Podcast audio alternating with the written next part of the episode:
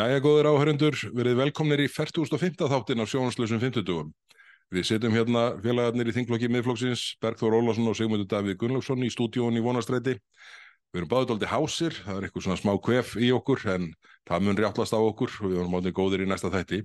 Já, það, ég byrðist afsökunum fyrirfram ef ég hosta mikið í þættinum. Já, áhörundur fyrir ekki okkur, ég, ég geti lendið í sama. Þegar ég var í ræðu í, í gær um stefnulega fósættisráðra var ég aðal að reyna að einbetta minna því að hosta ekki en, en við reynum að komast í gegnum þáttinn, við ættum að ráða við það. Já, já. Þetta er í 40.5. sinn sem við Við höfum létt með það. En það er, það er uh, margt í gangi og þingið sett núna í fyrra dag á þriðu degi og við sitjum hér á fimmti Þetta hérna byrja nú með hefbundum hætti. Það var þingsetning á þriðu dag, stefnur eða fórsýstsar á þeirra á miðvíkudag og svo fjárlega umræða í dag fimmtudag og heldur áfram væntalega á föstudaginn og, og svo er hérna bandormurinn á mánudag og þriðudag þar sem við verðum að tala um uh, tekjuhlið ríkis, uh, ríkisfjármáluna Þannig að Já. þetta er svona í, í föstum takti uh, upp af þingsins en, en alltaf áhugavert að sjá svona hvernig, hvernig til að mynda þingmálaskráin sérstaklega, hvernig hún lítur á. Það er nú kannski svona að mínum að þetta er oft meira spennandi heldur en, heldur en stefnur eðan sjálf. Hún Já, er já. oft svona, segir eh, ekki mikið. segir ekki mikið og það er margt í mörgu og himinin blár.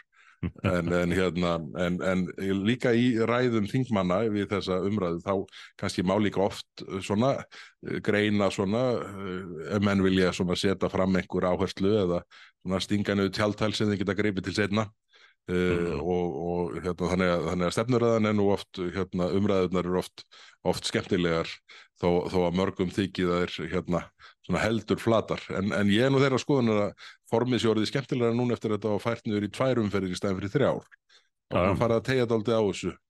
Það, það hefði átt að, átt að skilda menn til þess að um, um, pró, ef það væru þrjár umferðir þá eru því loka umferðin svona sweeper sem að uh, hefði það eina hlutverk að bregðast við fyrir ræðum sem getur orðið skemmtilegt. Þa, það var akkurat þannig í, í gamla daga að, að þriði maðurinn átti að vera svýper sem hreinsaði upp. Já, og svo sem var í miðinni var, var svona, já, miðjumadur uh, kannski svona tók undir eða, eða árétta það sem hefði komið fram í fyrstu ræðu og, og fyrsti maðurinn var, var sóknarmaðurinn. En, en þetta er líklega samt betra fyrirkomulag að vera með tvo fulltrúa hvers flokks. Umræðarnar voru svo sem ekkert, ekkert uh, sérlega líflegar en einhverju leitu upplýsandi en aðalatrið er þetta það er allt farið af stað já, já, og uh, fjörið er byrjað. Þetta er enda búið að vera óvenju pólitíst sömar, eins og við höfum rættir í fyrir þáttum. En nú er er komið að því að stjórnin leggi uh, fram það sem að hún ætla sér að gera. Hún er búin að gera það, hún er búin að sína á, á spilin og við sjáum þar ímis vandraðamál þeirra dúkka upp aftur. Sum reyndar dottin út en maður veltir fyrir sér hvort þau að reyna að lauma þeim inn annarkvort í gegnum önnur mál eða svona óforvarendis já, já, það er sko, það var nú kannski sérstaklega tvö mál uh, sem að maður veit aðteglu svona í fyrsta reynsli að, að væru, væru horfin sem að uh, svona uh, stung, voru svona til óþurftar í, fyrra. Það er hattus orðræðu frumvarp fórsættisra á þeirra mm. og síðan förðurlegt frumvarp orkumálar á þeirra um að banna rannsóknir á olju og gas í, efnaðarslu lögsugunni. Já, sem var tilurinn til að banna rannsóknir í fyrsta skipti í Íslandsugunni eftir því sem ég kemst næst. Já, já, og Hatturs orðræði máli svo kallaða snýrist um að setja landsmenn alla á námskeið til að læra vinstir grænt hugafar og, og, leifilega tjáningu. Uh, sjálfstæðismenninir álpuðust nú til að leipa því í gegn á síðasta þingi en, en okkur tókst að að minnst okkur tefja það og hugsanlega uh, hugsanlega komið veg fyrir þetta mál en, en maður óttast að því kunna hafa verið laumað inn í uh, máluð um nýju mannréttindastofnunina. já, það er nú Líklega, uh, hvað telst þér til? 50 eða 70 stofnunina á þessu sviði sem að, Já, ég, ég get alveg treystið mig til alveg tryggilega að telja upp í fimm. já, Þannig að, þannig að þetta er, en, en þetta er einmitt bara fyrsta málið í þingmálaskar á ríkistjóðnarnar, fórsættisir á þeirra þarna fremstur í þessari hérna, röð sem síðan fer í hérna, stafrásröð held ég að sé. Mm, og hérna og það er einmitt þessi sérstaka mannréttindastofnun Íslands sem að eru þetta þeirra gerðar að þetta er bara svona partur af því að bátni blási út. Já, já, það eru sko öll verkefnin raukstuðningurinn er sá að þetta sé forsendu þess að sé hægt að lögfesta barnasáttmála saminuð þjóðana já, og það er bara hægt að koma þessum verkefnum ef, ef viljið stjórnvalda stendur til þess þá er hægt að koma þessum fyr, verkefnum fyrir bara í, í öðrum stofnunum, mannréttindastofnunum eða hvaða sjálfsögðu. þeim bera þetta er bara fyrirsláttur sko. og þú nefndir þetta með því ræðinu þinni í, í gærað að það væri lítið mál að setja þetta inn í einhverja þeirra stofnuna sem eru fyrir en þetta eru þetta verður ekki bara að segja það eins og er liður í því að að innleiða mannréttindi samkvæmt skilgreiningu VFG jú, jú. ég held að þetta snúist ekkit um sko, sakleysun, sekt er sönnuð eða e, jafnræði borgaranna eða eitthvað slíkt fyrir lögum. Þetta muni snúast svolítið mikið um, um að koma á vinstri grænu samfélagi. Það er bara út því að hún tókst ekki að koma hattusorðuræðinu frumvarpinni gegn til að tryggja allir hugsuð eins og vinstri grænir já, þá fara þeir þessa leið. Já, þannig að þetta er hérna en þetta er bákni vex það er engin bremsa í þessum efnum en svo hérna ef við, ef við, ef við ekki bara rúlla í gegnum svona uh, hratt í gegnum svona Jú. helstu atriðin í þingmálaskráni sko. þetta er uh, og síðan er náttúrulega er ástæða til þess að benda á þarna áfram hjá fórsættisráð þeirra að það er svona enn hoggið í sömu knerum hvað var það, það var það að, að ásælast uh, land uh, bænda og landeiganda landið umkring já, já, það var á síðasta kjörtjámbili var uh, breytt lögum um, um þjóðlendur uh, hérna og uh, í, í þá veru að það verður fann annar ringur nú er búið að æra bændur og landegundur landsins sko í uh, lögin voru sett 98 þannig að þetta eru já, 20 árum sem að þessi slagur hefur staðið. Og hérna með óheirilegum tilkostnaði ímyndaði mér og er nú bara áhugavert að taka það saman og send, hérna, kalla fram þær upplýsingar en, hérna, en á síðasta kjörtjöfumbili þá tókum menn sér til ríkisjótt framsóknar sjálfstæðis og vistri græna já, um að það er þann annar ringur að í einhver staðar hefðu menn kannski ekki að náð öllu því sem mögulega væri hægt að ná. Þetta eru flokkar sem að töldu sig í eina tíð til til að landsbyðavæna en það er náttúrulega löngu breytt. En við hefum þetta áður í þessum þáttum með, eh, með, með þessa ásælni uh, ríkisins í, í land bænda og ég nefndi þá að þegar ég var í, í ráðanettinu, í fósitsráðanetinu, þá leist mér ekkit á hvernig þetta var að þróast og, og höfðist leggja til að þetta er bara eh, stoppað og, og mann segði þetta gott að meðan að er þið endur metið hvert, hvernig þetta væri að þróast. Þá fekk ég þau sör að það tæki því ekki þess að vinnan væri akkurat að klárast. Hún væri eiginlega bara búin. Þetta er 2015-16 Já. Heimitt Og svo sjáum við það að, að nú bara eh, á að taka já, aðraða þriðju umferð með nýjum skilgreiningum og eh, setja eh, bændur vitt og breytt um landið í þá stöðu að þurfa að verjast fyrir domstólum sem þar hafa því miður mar margir ekkert efni á. Að taka slag við ríkið fyrir domstólum á nokkrum domstigum það er ekkert margir bændur sem, sem hafa fjárháslega burði til þess. En þetta finnst mér ekki gott að sjá að, að ríkisjónin ætli ekki bara að, að klára það sem hún var búin að vera að vinna í þessu með þessari nýju, þessum nýju skilgrinningum sínum, hvað hétta vötn og eigjar og eitthvað svona. Já, já, já. Og, og eh, Al Almenningarnir og, og þrætuskerinn já, sem áttu nú aldeilis að hérna, ná í öðrum hring. En nú, nú var bara að bæti og gefa í. Já, já. Heyrðu, en svo hérna við, við búum okkur yfir til fjármálar á þeirra, þá hérna poppar enn einu sinni upp uh, þetta drauma frumvarp hans um að stopna hér þjóðarsjóð. já, Ég verð nú að viðkenna að ég er nú þeirra skoðunar að best væri að byrja á því að borga niður skuldir ríkisjós, svona þegar, uh, þegar svigrum er til. maður hefði haldið það en þetta er samt svolítið fyndið sko ég veit ekki hvort þetta er bara húmor hjá honum á sama tíma og ríkið er rekið með halla alveg stöðut og ríkisútgjöldin slá öll með ár eftir ár. Að leggja það á sama tíma sama tíma fram frumvarpum að byrja að safna í þjóðarsjóð. Já, sko, uh, eins og kom nú fram í svari fjármálar á þeirra við fyrirspöld minni síðasta vor, þá voru, þá voru sko uppsafnaður halli ríkisjóðs frá 2020 til 2000, þess tíma er þeir áætla að, að hætta að reka ríkisjóði í, í hérna, hallasakot fjármálaállun já, 826 miljardar á uh, verðlagi hvers árs. Það eru rúmlega 1000 miljardar á núverið já, Og- á og- átt ára tíðanbili. Á- já, og svo ætla menna að hérna, fara að stofna sjóð, þjóðasjóð borgum niður þessar skuldir fyrst. Og hérna, þannig að þetta er, ég- þetta er svona undarlegt mál, ég hef svona á tilfinninguna að þetta sé einhver svona þetta sé áhuga mál einhver embættismanna það inni að fá nú svona einhvern sjóð til þess að höndla með sem að hérna, þannig að þessi ekki bara í þessum leiðilegu verkefni sem snúa fjárlögunum Já, þetta var mál sem að Bjarni Benediktsson og Lili Alfredsdóttir, ef ég mann rétt, voru sammálum. Líklega síðasta máli sem þau voru sammálum. Uh, því að síðan þá hefur hafa þau talað svolítið í kross, er ekki? jú, jú það er Eh, svona, Þó að, þó að eh, verksvið er að kannski að mati þeirra sjálfra skarist Hva- einhverju leiti. hver er bankamálar á þeirra? Það er fjármálaráðan, Já, er það ekki?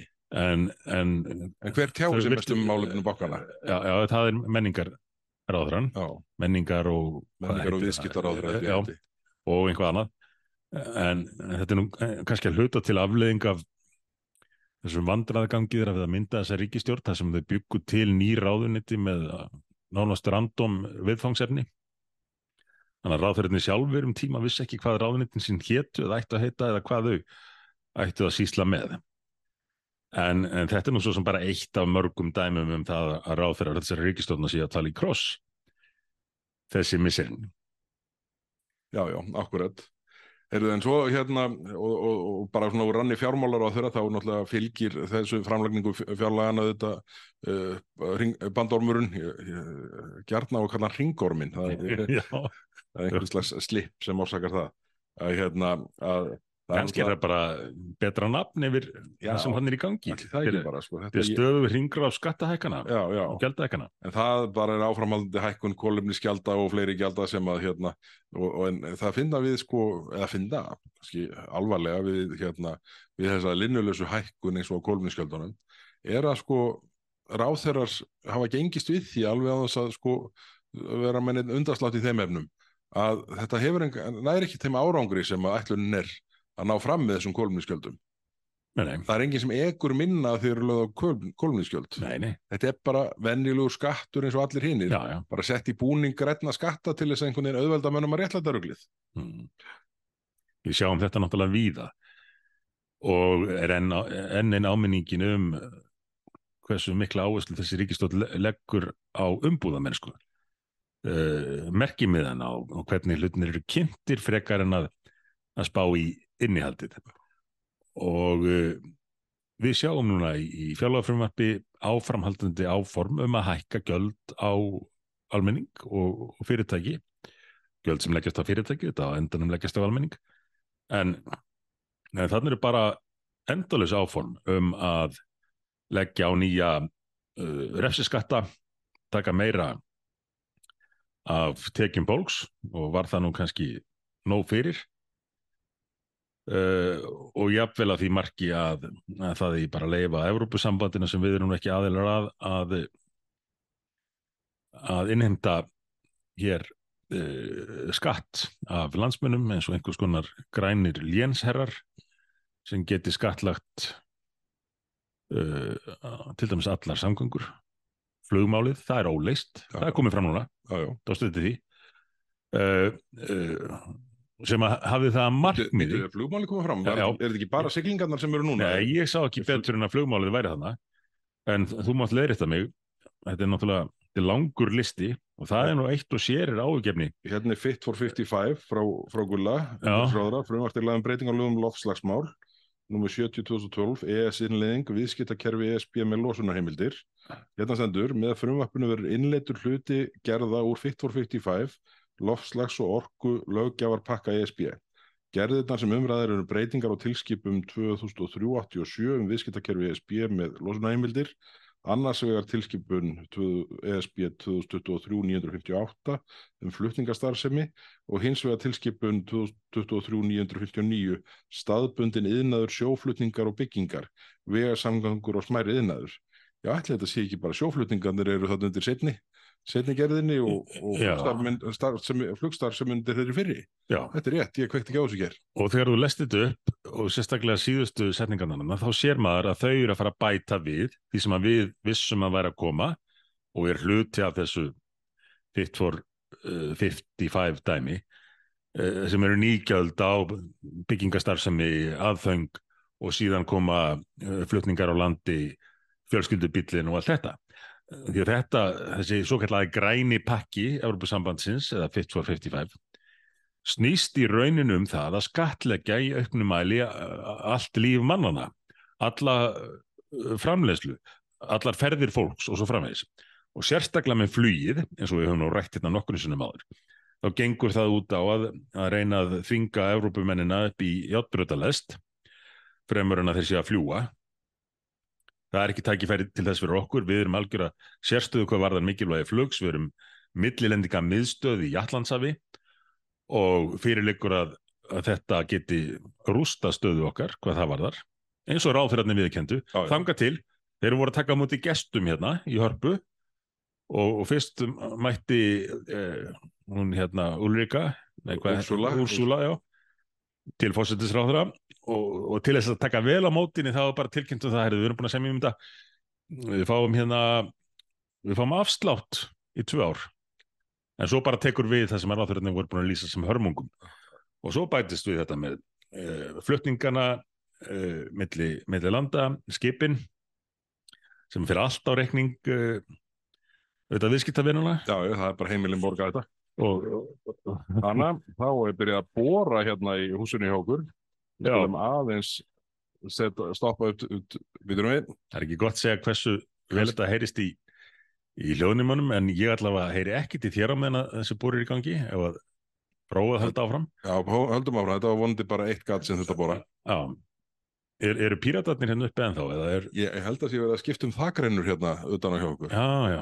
Ég, hérna, ég uh, gekk fram á eina hérna liggjandi á gangstéttinni fyrir framann og hugsaði með mér að hérna normaðurinn sem er að fasta hérna fyrir utan þinghúsið, já, hann hefði uh, snappað af orkuleysi og rifið niður þakrennuna hjá okkur en svo sá ég að það eru innamenn hérna hangandi utan á húsinu. er þetta hlutað þessum áformum um að uh, reka okkur hérna út og setja okkur í svartakassan Það, ég held að þessi partur að það sé svona að vera hægt og beitandi. Við auðvitað munum hlekkja okkur hérna við Já, já. og, og panta mat hjá lauruglunni Já, já, það, svo heimsending lítur að virka. uh, Mm. En hérna, já, nei, við skulum halda áfram, það er ekki bóra meir í bili. en, en já þetta, er bara skýrt merki þess það sem að ríkistunni leggur fram núna um að hún ætla að halda áfram aðtúasemda laust við að innlega Það Eh, og þá er borað aftur getur verið að svo sem er með borin sé að hlusta okkur og, og svona bora yfir það sem að má En ekki það væri mikið á sig lagt að hlera upptöku af einhverju sem fer í loftið eftir klukkutíma. Já, Mm. ef ekki bara vona að, uh, að hljónumbarnir nemi ekki þennan háða og, og halda okkar striki. jú, en þetta er hvort sem er stutt, stutt bor, uh, borhljóð þegar, þegar þau koma. Já, Mm. uh, þannig að stjórnin ætlar að halda áfram aðtúasendalaust eins og ráþurarnir uh, lístu nú bara yfir við fjölmiðla, innviðar ráþurann ekki hvað síst, uh, auðvitaðrikisráþurann að það, það bara standa ekki til einu svona reynafáninu undan þá frá þessu eða, eða gera neitt með sérstuð Íslands. Ja, fólk er ekkert og gott til að borga þetta alls saman. Enda í samræmi við stefnu ríkistjóðanina sem að gengur út á setja alltaf nýgjölda fólk til að refsa því fyrir að vera til. Já, já. En þetta er sko, en, en nú er það bara þannig að hann hérna, uh, þíski fjármálaráþurann, uh, Kristján Lindner, hann er núna bara að, byðla til Úrsula von der Leyen að sko pása, eins og það er orðað, uh, frekari Evrópu innleiðingar á, hérna, á regluverki sem er ætlað til þess að draga úr hérna, uh, gróðrúsalofti, losun gróðrúsalofti Já. þjóðverjar eru náttúrulega í meiri háttar vandræðum núna ekki, ekki séð annað eins lengi.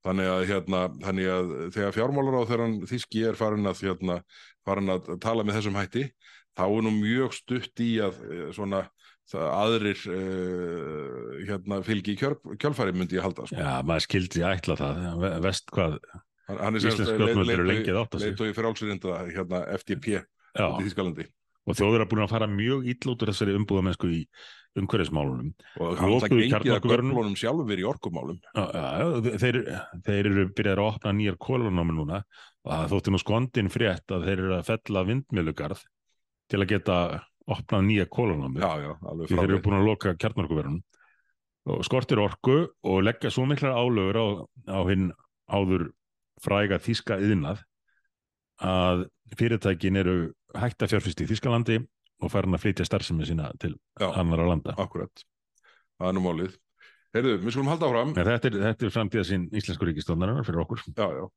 heyrðu, dómsmálur á þeirran aftur að þingmálaskráni hann ætlaði sér að gera aðra allu því að saman alla hér að stamstála landsins í einn með kontor í Reykjavík. Þannig að það er svona uh, eflaust gert með uh, markmið ríkistjórnarinn um aukna miðstýringu að leiðaljósi en, Já, en þetta, þetta er er, alveg ég, ég, nefnilega hafði ekki átt að má því þó ég hafi nú öruglega s- séð það en ekki kveikt á að sko þessi áform eins og frumvarpi lá fyrir í fyrra kölluðu fram umtalsverðan viðbótar kostnað miðað við núverandi regluverk. Já, þannig að, uh, það er ekki alveg ljóst til hvers uh, svona uh, hvert markmiðið er þannig Já, eða gott hjá þeim þó að viðurkenna þetta fylgir sér viðbótarkostnað því oft er reynd að afsaka svona miðstýringar aðgerðir með því að það, sé spartnaðaskinni en það sama á þetta við um helbriðiskerfið. Nú er hér árum saman búið að reka stefnum að þjappa helbriðiskerfinu saman eins mikið og kostur er á eitt stað uh, við hringbröð til Reykjavík. Og það hefur bara falið í sér meiri óhagvæmni og meiri kostnað. Og heilbriðiskerfið er náttúrulega í, í tómi tjóni núna. Ég, ég held að við höfum ekki tíma fyrir það í þessum þætti að ég reki uh, reynslu mína af, af stöðun í heilbriðiskerfinu eftir að hafa uh, farið með fólki á, á bráðumóttökuna heimsóttað þangað, sóttað uh, á síðustu, síðustu vikum.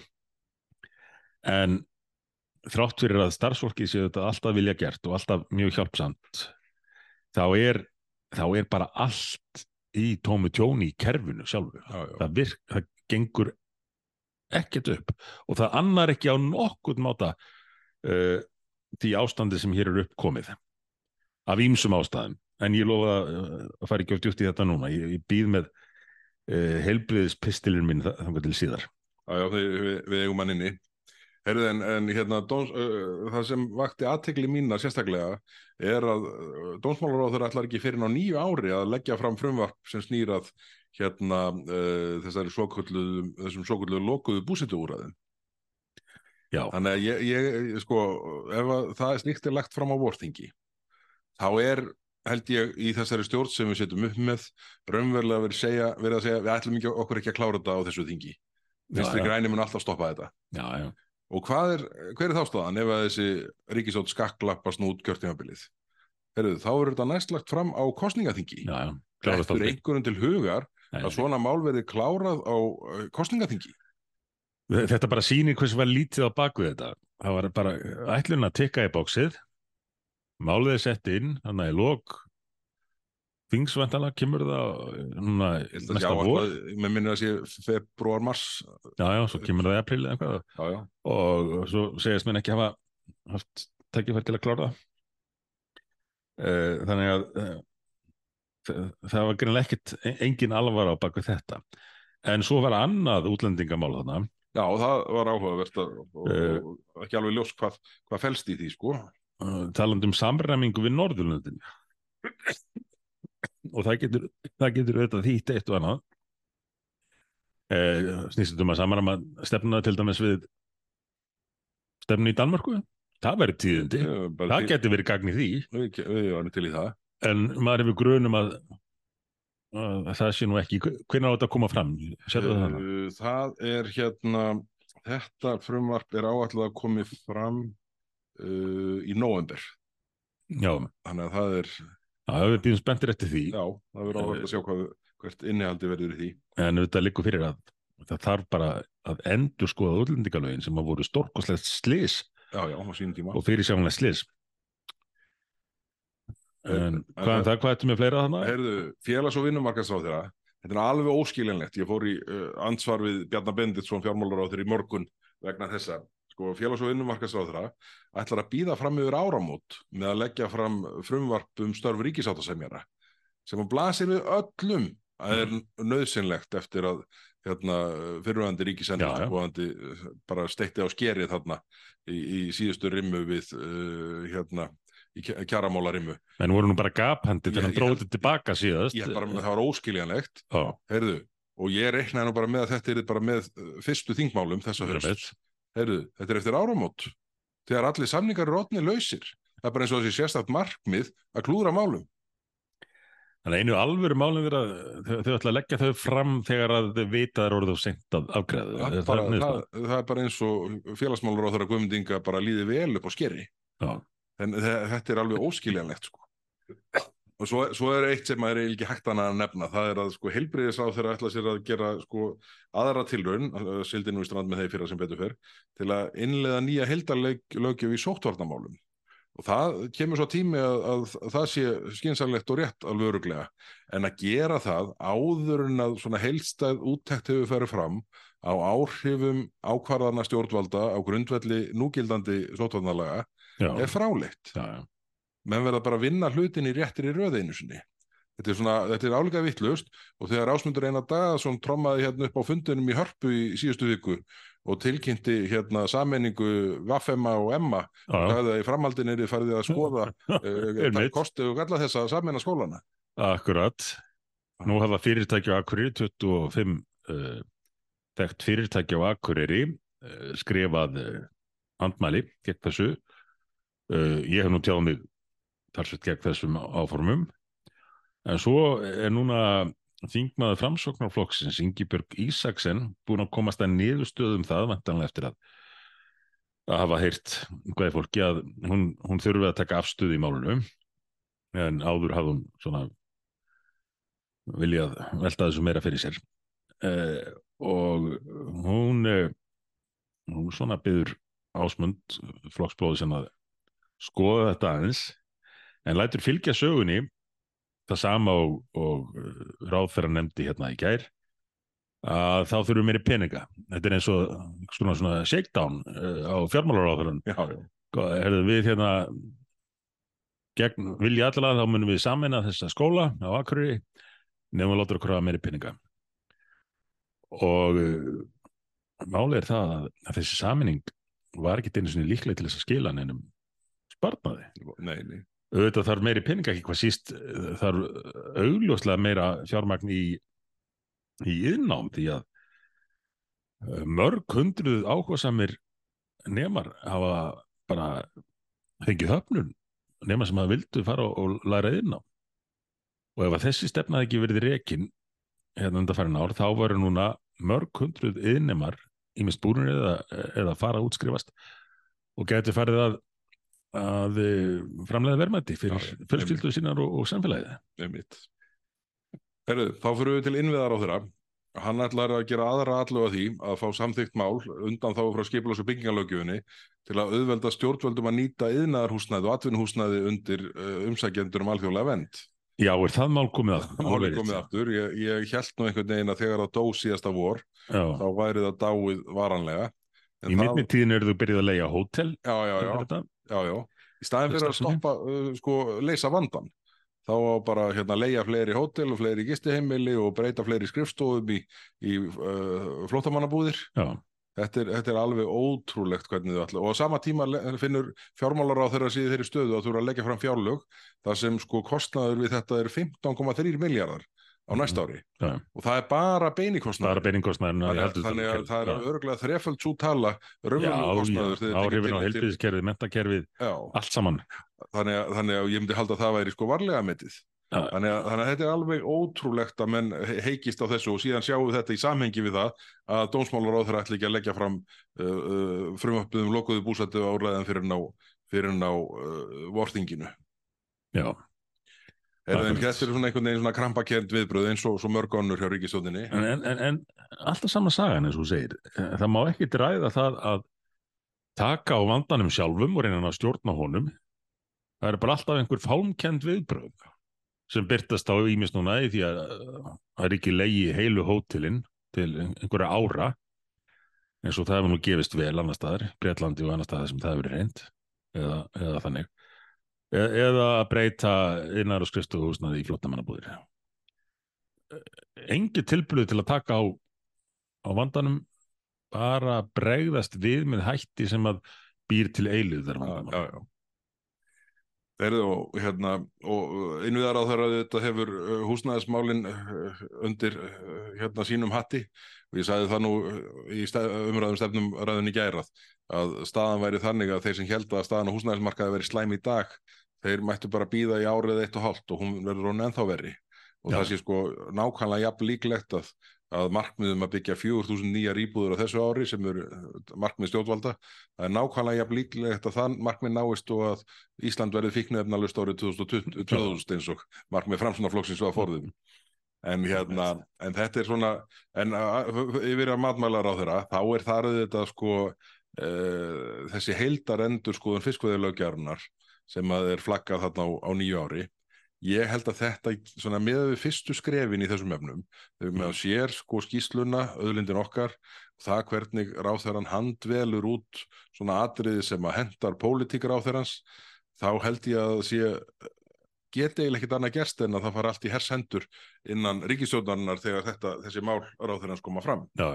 og, og þannig að það verður við, við, við býðum bara eftir þeim, þeim flug, þeirri flugeldasýningu.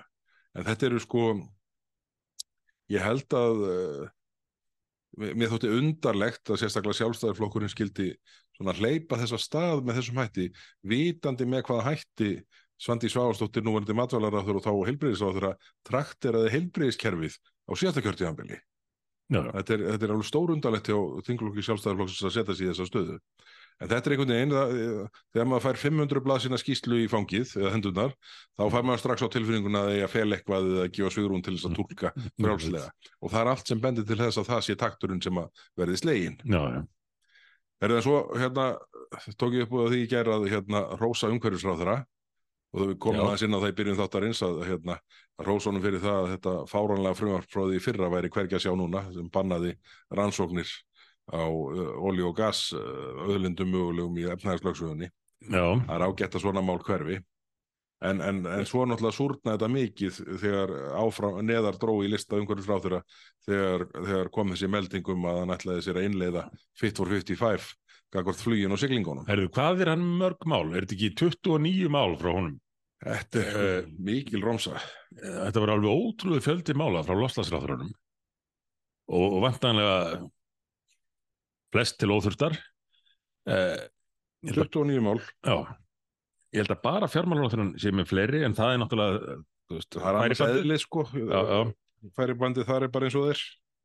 Eh, hann er með 31 ef ég mann rétt. Já, þannig að svona af, eh, af einhverju nýjum málum þá er þá er loslasráþurinn með langstæsta staplan einhverju hluta vegna Þetta er hérna, það verður, uh, það mun, já við munum spilla, spilna fast við fótum þegar, þegar þessar ræfingar byrja hjá ráðherranum á, uh, býtum við, hvenar áallar hann að leggja þetta fram. Þetta er sko í nóvember. En e- eru þessi uh, Evrópu, þessir Evrópuskattar komnir til það á loslasráþurins núna er ekkert um þetta hjá Já, ég, þetta kom mér aðeins óvart að hérna, þetta er allavega felt undir, undir sko umhverfis ráðherra í, í þingmálaskráni. Já, Ég veit ekki hérna hvort, hvort að það verið bara þar eða hvort að Þórdís Kolbrún mun þurfa að koma mál, fram með mál sömu leiðis. já, En talandi um Þórdís í Kolbrúnu þá ætlar hún að tromma upp á svið með bókun 35 aftur. Já, og er ekki staðan óbreytt að, að þið fulltrúar í utangismálu nefnd hafði ekki ennþá fengið aðgangað gögnum um samskipti íslenskra stjórnvalda og E- ESA á síðasta kjörtíðanbili. alveg ótrúlega mál í raun neyksli menn nota þetta orðið nú yfir eitt og annað þessast dagana en þetta finnst mér að vera raunverulegt neyksli að auðvitaðrikismálunemnd tingsins og þetta er allir þingmenn að hafa þetta en, en að jafnvel auðvitaðrikismálunemndin sem hefur ákvæmna sérstöðu varandi aðgangað gögnum skuli ekki meiga sjá varnir Íslands Já, í já, málunu á fyrir stigum alveg ótrúlegt. það er bara eins og ríkistöndin skammist sín fyrir að, að Ísland hafi reynt að, að sko tala máli okkar á sínum tíma af því að nú snúist allt um að bara elda Európa-sambandið og keira þetta í gegn Já, já. þetta kannski skýrir á hverju Kristrún Frostadóttir leggur ekki áherslu á Európusambandsaðil lengur. Það eru bara aðrir að sjá um þetta allt saman. Já, já, Hún getur e- eitt orkun í annað. þetta er ágændiskenning. Einmitt. En, en þetta er, þetta er, hérna, þetta er uh, skrítin staða sem er komin upp að þetta bara eigi að, eigi að hérna, halda áfram óbreytt Mm. frá því sem að hérna, frá því sem að hérna, var uh, síðasta, síðasta vor en það er hérna uh, þetta hlýtur eitthvað að koma upp í þessum efnum og þetta hlýtur að æra svona fullveldi sinnaða sjálfstæðismenn landið umkring en það er annar mál sem að hérna vakti sérstaklega aðtegli mína í þingmálaskráni frá undaríkisráðira að hérna að þar er sem sagt fymta mál á, uh, á lista hennar. Hljómar svo og haltu þið nú þið öll. Það er tillega til þingsályktunar um staðfestingu ákvörðunar sameiginlegu ES-nefndarinnar sem ekki hefur enn verið tekin Getur þú- ég, ég minnist þess ekki að hafa séð svona mál áður. er, þetta bara, Eh, þingtækt? Ég, ég eiginlega, eh, já, ég efast um það að minnst kosti getur máli ekki komið fram áður en að það er vitað um hvað það er að snúast. En, var- en þetta er einhver sko nýtt stig undirgefni að tilkynum það að það standi til að leggja fram tillögu um, þing, til þingsályktunar um staðfestingu ákvörðunar sameiginlegu ES-nefndarinnar sem ekki hefur enn verið tekin já, við vitum ekki hvað kemur út úr þessu en við, við munum samþykja það. Já, og hinlega það alveg á færi bandi bara gengur sinn, uh, sinn vana gang, sko. Þetta er alveg, alveg kostulegt, en það verður, það býtur um hveða, ég held að þetta sé mér þess að fyrir áramót sem að, sem að þetta gulla á komingaðinn. Utar ekki sáður, er númið 5, november, Já, já, það, þú getur sagt upp áskriftinni að sjónvarpinu í november. Nei, það er skildu áskrift á ríkisútvarfunu, alveg rétt. Það gengur ekki. Þegar við november, þá sjáum við hvaða, hérna, hvaða ákvörðun hefur ekki enn verið tekin en verður kerið í gegnum þingi. Það eru tveir mánuðir í það að ráðherran ætla að leggja fram til um að við samþykjum mál sem ekki enn vita hvað er. Já, já.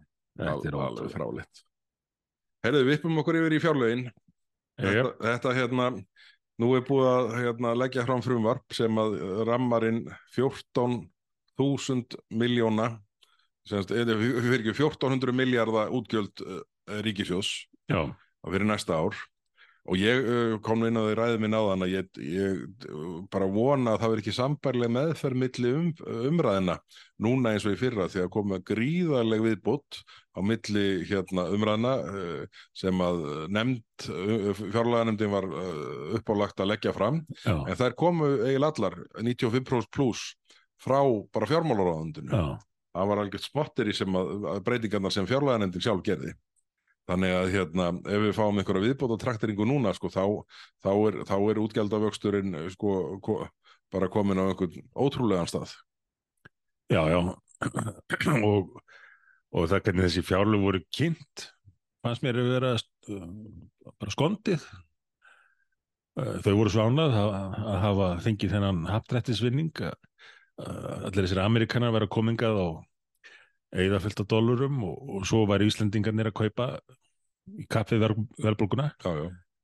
Þannig að skattekjur, það verið söka skatti sérstaklega, það er, það er jökustölumert. En þau ætla ekki að eyða öllum hérna kvalreikanum. Þau hefðu geta gert það að í mati, en þau ætla ekki að eyða þessu öllu og það er sparnaður. Já, já, já, já. Það, er, það er kostulegt en, en þetta er einhvern veginn uh, það var staðið við allar uh, fyrri meldingar um skattahækanir Já, í, í frumvarpinu og, og bandorminum sem var lagður fram sam, samhliða. Og þetta er einhvern veginn, það er umræðan er mjög mikið um frumjöfnuð þegar auðvitað heldarjöfnuðu skiptir mestu máli. Já frumjöfnuður, niðurstaðan áður en að kemur að, að fjármaksliðum eða því að Já, borga vexti já, já. og já, og, og ég hugsa nú að mörg he heimili gætu s- sagt sem svo að þau væri bara í, í hérna, stórkostlegum málum uh, efnaðslega uh, ef þau tekki ekki til til vakstana og svona. Já, já, bara húsnæðisláni bara, þurfti ekki að taka Lítum fram hjá því. Já, já, uh, kaupum bara hvað sem viljum út á lán af því að það er bara fjármaksliður Mm. og kemur ekki inn í frumjöfnið Þetta samsvarar því ef að sko við horfum á heimili það sem væru svona ágættis heimilistegjur hjón með sitt hvora miljónun á mánuði, tvær- eh, 24 miljónur á ári. Ef að Mhm. hlutfalli væri sama af sko halla og hildarjöfnuði hjá þessu heimili eins og hjá ríkisjóði þá þyrfti að hækka yfirdráttinum 810 816.000 í lokárs, það er bara miljón og þannig að bara svona fólk átti sig á því að þetta eru alvöru tölur sko, hallin sem er á uh, heldarjöfnuði sko sem er þetta niðurstaðastalan sem til lengri tíma skiptir öllu máli En meðal heimili er að borga um miljón krónur annars stari, um miljón krónur í vexti fyrir ríkið. Uh, og svo eru náttúrulega vextinni sem heimili þarf að borga. En meðal heimili þarf að borga um miljón krónur með skottum til að borga vexti ríkisins á árinu 2024. Já, þetta er ekki glæsilegt. Nú það var nokkuð gaggríndu þetta, sko, svona, uh, þetta hóflega aðhald sem að, sem að byrtist uh, í þar síðustu viku upp á 17 miljardar og, og svona samspilið við, hérna, við Sælabankan og baráttuna við verðbólguna var teiknað upp og, og, og það eru þetta held ég flestir sammálum að þetta uh, dugi ekki að hérna, það þurfi meira til og ég bara vona að fjárlaganemdin setji sér í stand og, og bara segi bara, heyrðu, ok, nú ætlum við bara að eyða minni peningum heldur en fjármála ráðandi að leggja til. Já, já, mikil er trú þín maður. Já, ég, En- þetta er óskikja, ég, ég, ég, viðurkenni það. En þetta minnir mig á að ég þarf að eiginlega byggðast afsökunar ráðið í síðasta þætti þegar ég held að, að þegar Bjarni var að kynna áform sín um aukið aðhald í, í fjárlórum eftir að hafa kynnt 17 miljardana, miljardana þá, þá svona tekur hann tíser fyrir fjárlögin og segir "Heyrðu, svo verður hérna ennþá meira aðhald. Já, Ég held að hann hlýta að vera að meina einhverja viðbót við 17 miljardana. já, já, já. Þú, uh, þú vissir að það var ekki, það var reyndist rétt hjá þér. Þetta voru, voru bara, þetta var endur tekið efni í fjórða skipti held ég. Já, já, 17 miljardarnir sem eiga að nást með hagkamar innkaupum og opnum skrifstórýmum og rafrænum lausnum.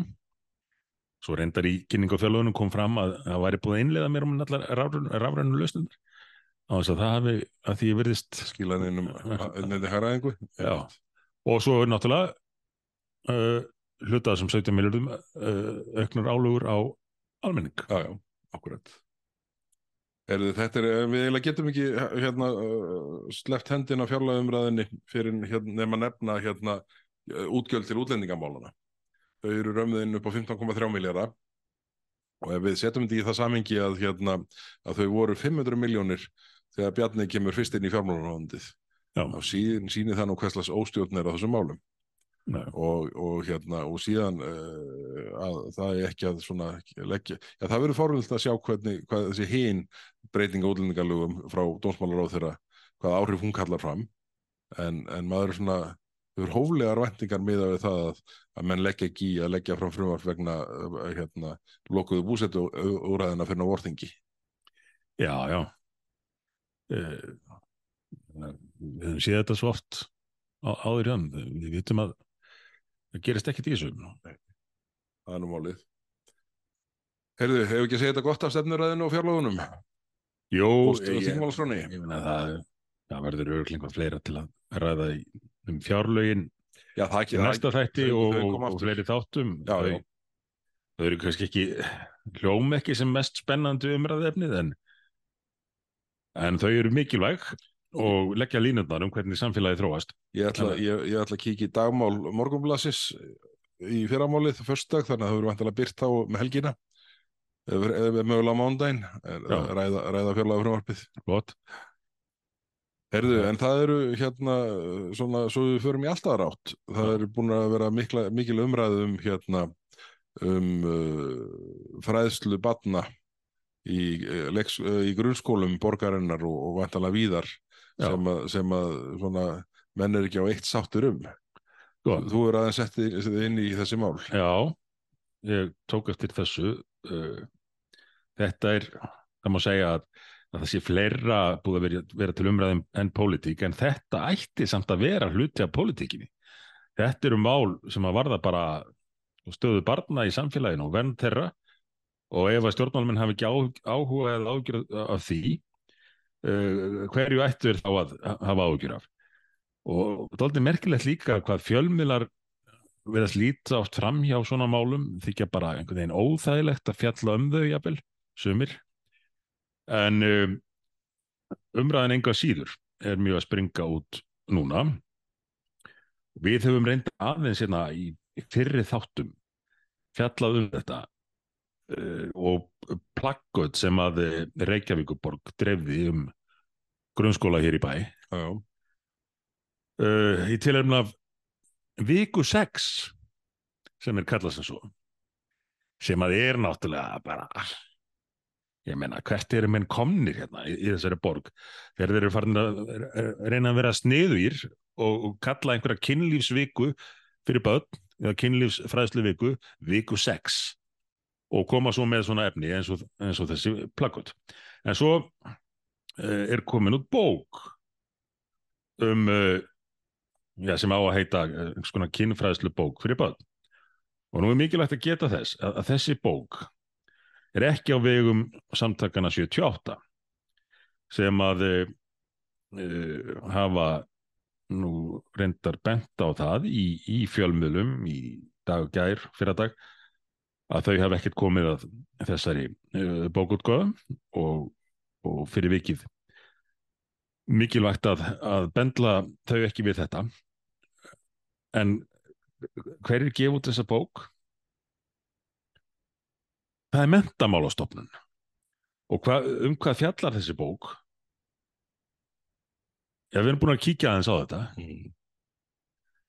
Eh, ég eiginlega bara treysti mér ekki til að, að lesa upp úr bókinni það sem ég var þó að velta fyrir mér að lesa því að þetta er nú fjölskyldu þáttur er það ekki, nei, kannski ekki en, en einhver börn getur slýsast til þess að hlusta já. og ég er ekkit vissum að fullorðið fólk vilji hendilega heyra það sem kemur fram í þessari bók. En til að gera langa sögu stutta ef að einhver náingi á internetinu væri að byrta þar þær leiðbenningar sem að eru til batna í bókinni og væri bara á sin- á sinni síðu svona að- útskýra fyrir börnum hvernig það geti verið sniðut fyrir þau að fytla við sig eða aðra og gera alls konar tilraunir og eitt og annað tilviðbóta sem komið fram í þessari bók. Ég, ég held að lauruglan myndi uh, spotta þennan mann og, og kannski koma að taka tölvunni hjá honum og, og aðtöðu hvað verið í gangi. E- En þetta er bók sem er gefin út af mentamálastofnun. og ég komið tvö, tvör, Já, málsgreinar. er Já, já, ég veit að þú leggur ekki í þetta það er svo mikil tebra. Heru, er fyrir, og þetta er algjörlega uh, uh, þessi bók er 164 blaðsíður Já, 100 og þetta er ætlað fyrir 7 ára börn. Já, já, einmitt, 7 til 10 ára börn, þar, þar á leiðandi 7 ára. 7 ára. Já. Heru, hér kemur fyrra uh, fyrir hérna fyrra skotið. Eins og önnur göt á líkamannum er endaþarmsopið yfirleitt mjög viðkvæmt sem þýðir, þýðir að það getur verið gott, gott að snerta það. Og það segna eins og snýpurinn getur tippið verið mjög viðkvæmt og það getur verið notalegt og kittlandi að snerta það er Ja. þetta eitthvað sem sjöra börn uh, Nei. hafa með að gera Og svo er farið út í sko, nánari lýsingar á alls konar alls konar uh, möguleikum í því að prófa sig áfram með hitt og þetta uh, ég- ég- kannski, kannski fyrir næsta þátt ég, ég verði búin að safna um hugur ekki til þess að fara yfir fleiri atriðu þessari bók. En, en, en mér finnst þetta bara eh, sko skuggalegt. Og svo kemur uh, framkvæmdastjóri eða þessi kalla framkvæmdastjóri mentamálastofnunar og svona ver þetta með því að reyna að- pakka því inn í einhverja krömpaðar umbúður um þetta sé, þetta sé bara spurning um að uh, fræða börnin svo þau viti hvernig þessi hluti ganga fyrir sig og spurning um eins og alltaf sko, fjölbreytileik og allt þetta sem að bara á alls ekkert við í þessu tilviki. Uh, það er ekki uh, spurning um, um fjölbreytileika eða viðurkenningu á á honum að, að fræða ung börn, sjö ára börn um einhvað sem að uh, þætti bara mjög vafasamt í uh, til dæmis á, á YouTube eða annar staðar. En þarna er Reykjavíkuborg á, á samt svo mentamálastofnun að ráðast í þessa útgáfu og, og verja hana og meðal þess að benda á, já það þurfum nokkið endilega sjóra börn að, lesa alla kaplana en uh, hvaða vittlis er þetta? Uh, á að segja við, við sjóra börnin, lesið hérna síður 16 til 52 en alls, alls ekki, ekki 53 já.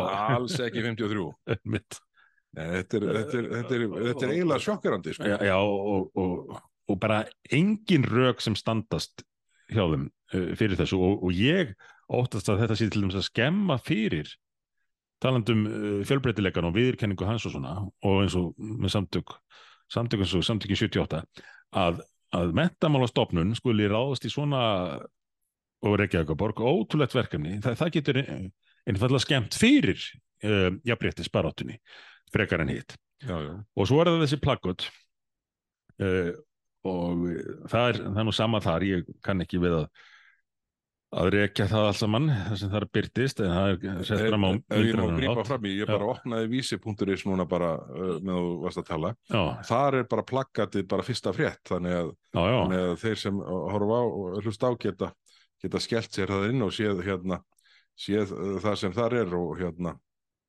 hmm. Já, já, þetta er mitt þetta er, þetta er plaggati sem við fjöldluðum um hérna í þættunum á sínum tíma uh, en þau eru fleiri sko, þau eru, þau eru nokkur já, já. þetta er Þetta er eins og í Sovítuna því leiti að það er verið að ná til barnana með, með því að hengja plakkut í skólunum nema að ég held að það hafi nú ekki verið samt þessum nótum. Námsefni tekið úr samingi og stilt upp á villandi hátt, segir hér í fyrirsögn. Í þessari frétt sem hún varst að benda mér á. Uh, og þetta er, þetta er einmitt svar sem að kemur oft líka að það sé verið að taka hlutin úr samhengi. Uh, samhengi er mjög mikilvægt í allri uh, rökrætni umræðu. En samhengið hér er einfallega það að það er verið að gefa út þessa bók með, með þessari umfjöllun sem að stæðist hverki sko, skoðun ef, ef þetta væri byrta af einhverjum kalli á netinu. Uh, og það er verið að byrta þessi plaggott með kvartningu og leifinningum á borðið sjálfsfróun er mjög góð. Fyrsta reynsla af kynlífi tölva uh, uh, og, og svo fellum að töfra fram kynferðislegar fantasíur. Þetta er plakatunum líka. Og verið að segja að börnum að prófa allt mögulegt. Prófa sig áfram og, og hérna. Hvenar hættu við að leifa börnum að vera börn? það er vandamálið þessu. Getur við ekki bara leift börnum að vera börn? Og það segir líka á þessum plakatum þú mátt vera kynvera og þú mátt aðra þú mátt spjalla við þá sem þú vilt. Ok. Hvað segja þessi skilabót til dæmis?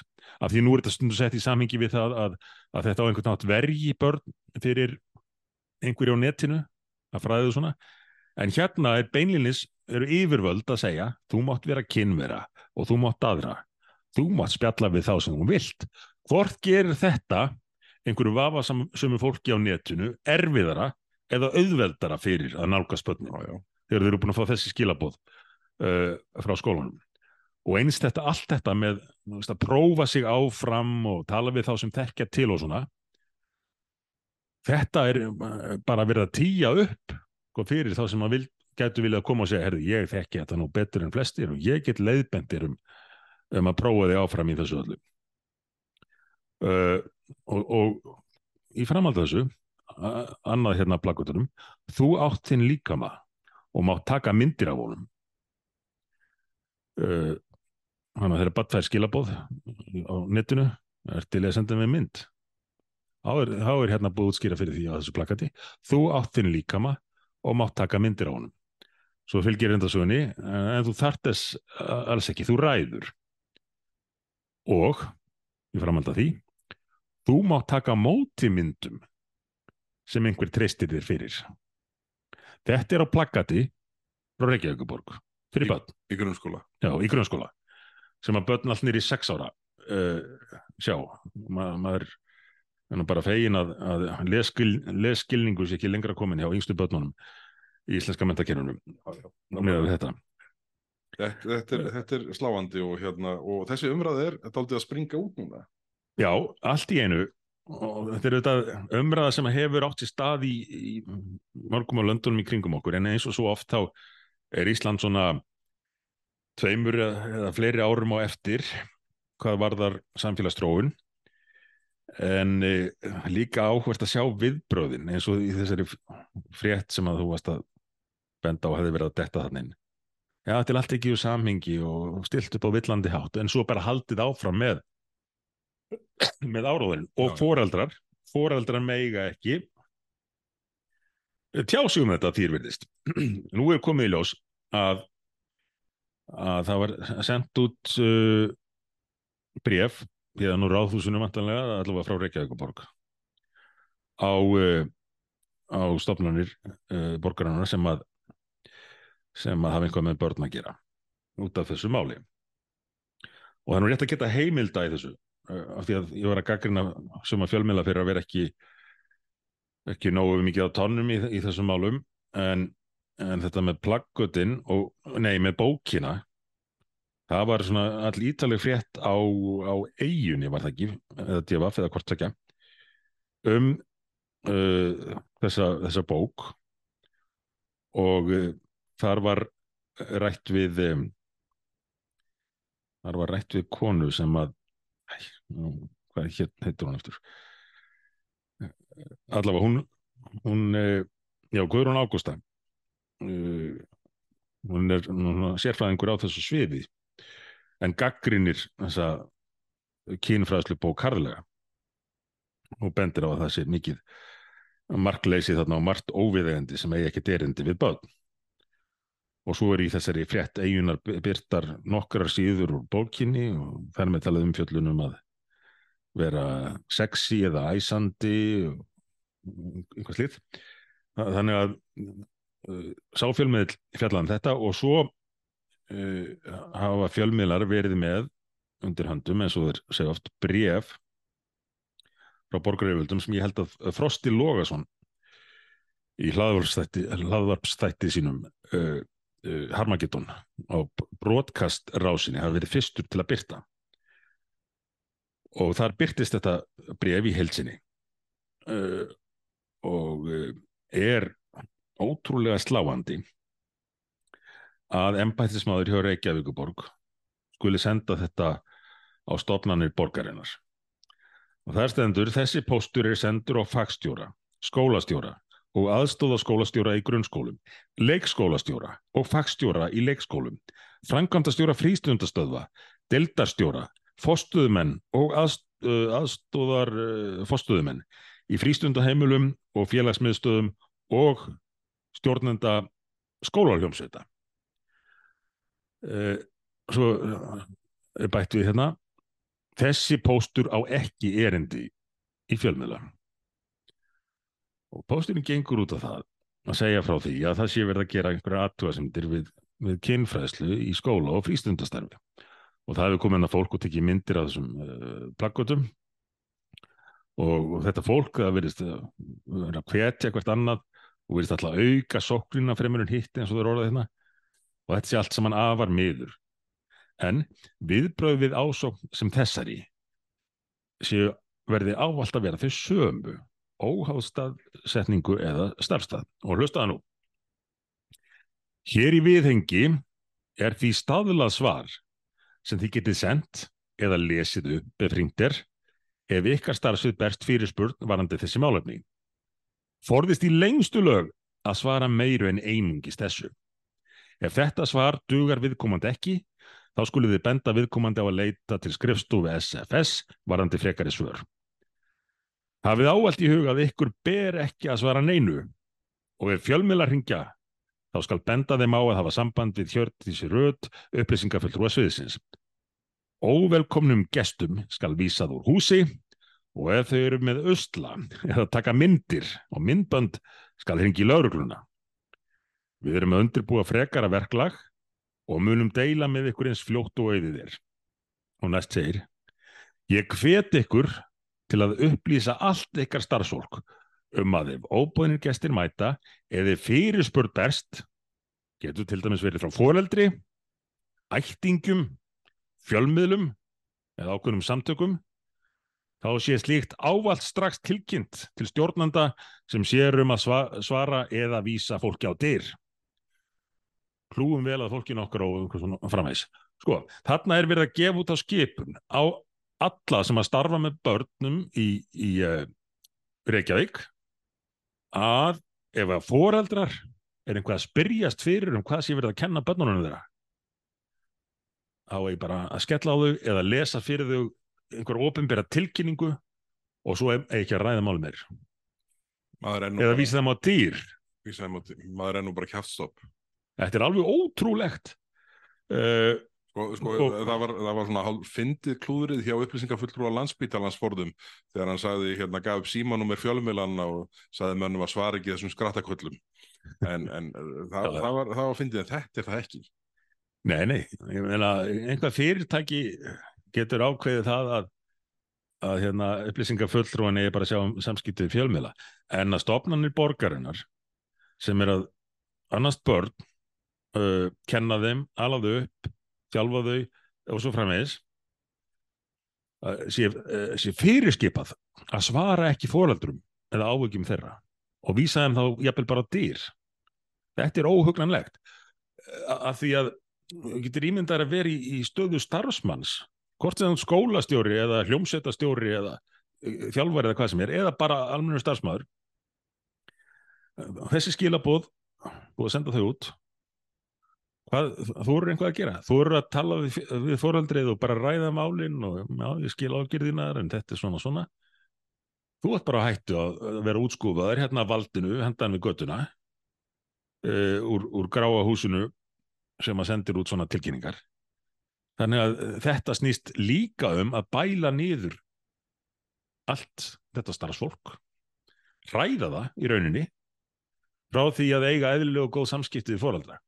Þetta er svo görsamlega galin nálgun og, og ég minni á það að, að e, samtökinn 78 hafa e, bent á og, og ég hef heyrt í fullur á þeirra ítrekka það að þetta er ekki á þeirra vegum. Þetta er á vegum borgarinnar og svo þessi bók sem að gefa út af ríkinu mentamálastofnun. Ég, ég, ég bara, maður er bara eins og ég sagði á hann, bara hálf kjattstopp yfir þessu. Og, og þetta ætti þetta að vera pólitist mál, en, en þetta fólki, einhverjum hérna kollegum okkar, finnst þetta öruglega óþægilegt. Þeir vilja frekar bara verið umbúðunum, frekar hann að ræða raunveruleikan og stór mál. Svo koma þeir hérna, þú getur rétt ímyndaður eftir tvö ár. Og fyrir að menna komst í í þessu og segja, já, auðvitað var ekki gott að svona væri staðið að málum, við verðum að læra af þessu eitthvað svona, en það ger ekki til þess að breyðast við og, og þessi tilkynning sem átt að lesa vélrænt upp fyrir fólaldra og aðra uh, sem að vildi einhvað spurja styrjum mentum barnana sína, barnana sína.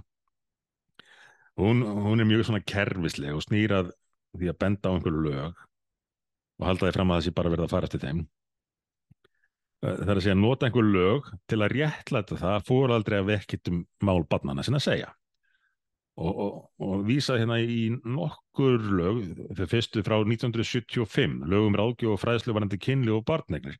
Ég heldur endar að það sé hæpið að byggja á lögum frá 1975 um, um ráðgjóðum fræðslu og barnegnir varandi þetta nýja stefni. Það var árið sem ég fættist, þannig að já, ég man ekki eftir korki á, á fæðingar ári mínu eða síðar takk til nú að hafa séð annað sefni. En, en hinn lögin Þau eru öll frá vinstri stjórnunum, vinstri stjórnunum tveimur. Gömlu vinstri stjórninni frá 2009 til uh, eh, 13 og svo þessari nýju vinstri stjórn sem við sitjum uppi með enn. Það eru einlega frá vinstri stjórn 2, einn frá vinstri stjórn 1, uh, tvenn frá vinstri stjórn 2, einn frá vinstri stjórn 1 og einn frá vinstri stjórn 2. Þannig að svona í samstarfi hafa þessar tvær vinstri stjórnir náða að búið til þessi lög sem að þeirra nótu sem er réttlæting fyrir því að, að hafna samskiptu við fólaldra en ég er nú ekki svo sem vissum að, að, að slíka, slíka réttlætingu sé að finna í þessum lögum. Þetta er mál sem á ábyggilegt er að vera til umræðu næstu vikur og mánuði með að við sko, maður sér þetta núna springa út í fjölmjölum og hérna og það er auðvitað bara samt væri, mætti vera meiri rökraða í, í fjölmjölum ég, og ég er reynda að sé í sumum fjölmjölum það eru spurt einhverja spurninga. En sumir bara stilla þessu upp eins og ég sá einhverja frétt mannstu þegar þegar við lánaðum salin eða jú. ég lánaði hérna sa, salinu sem er leiður út hjá flokknum.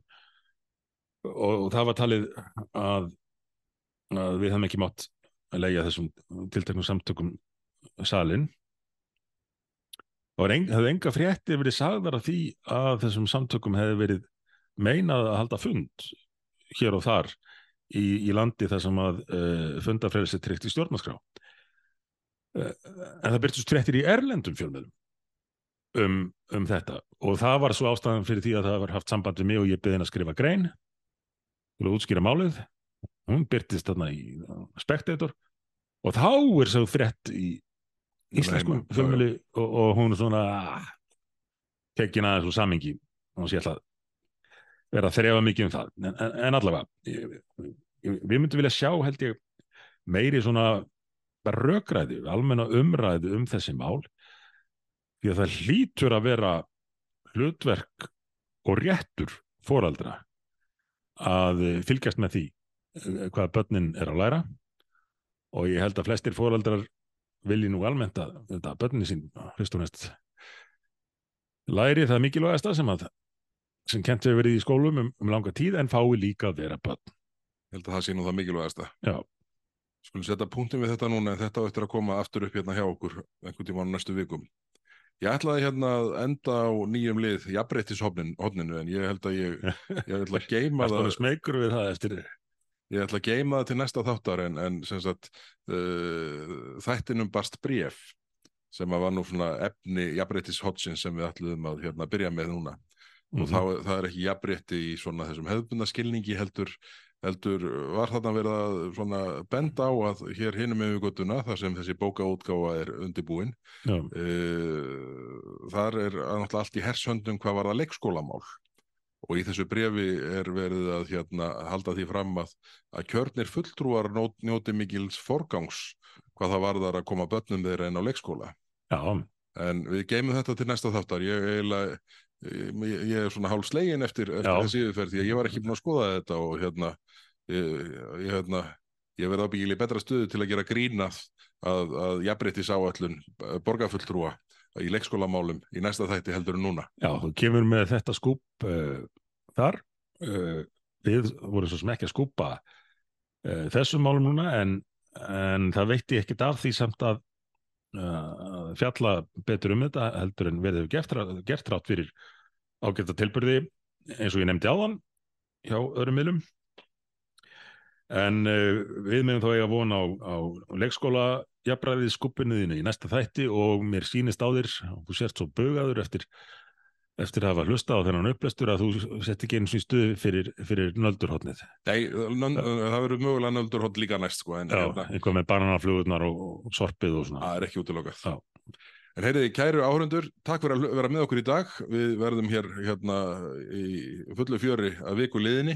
Það er alltaf rökkvi í gangi í pólitíkinni og hérna og, og við býðum þess spenntir að, að fleiri mál kom inn og, og ringorm, barndormurum verði rettur í, í næstu viku og, Mm. og, og síðan annað önnur þau sem hver ólukans mál sem ríkistjórnin leggur mikið upp úr því að, að koma sér hraðast í gegn. En við þökkum ykkur fyrir að hlusta í dag og heyrjumst aftur á vikuliðinni. Bless, bless. Takk fyrir, bless.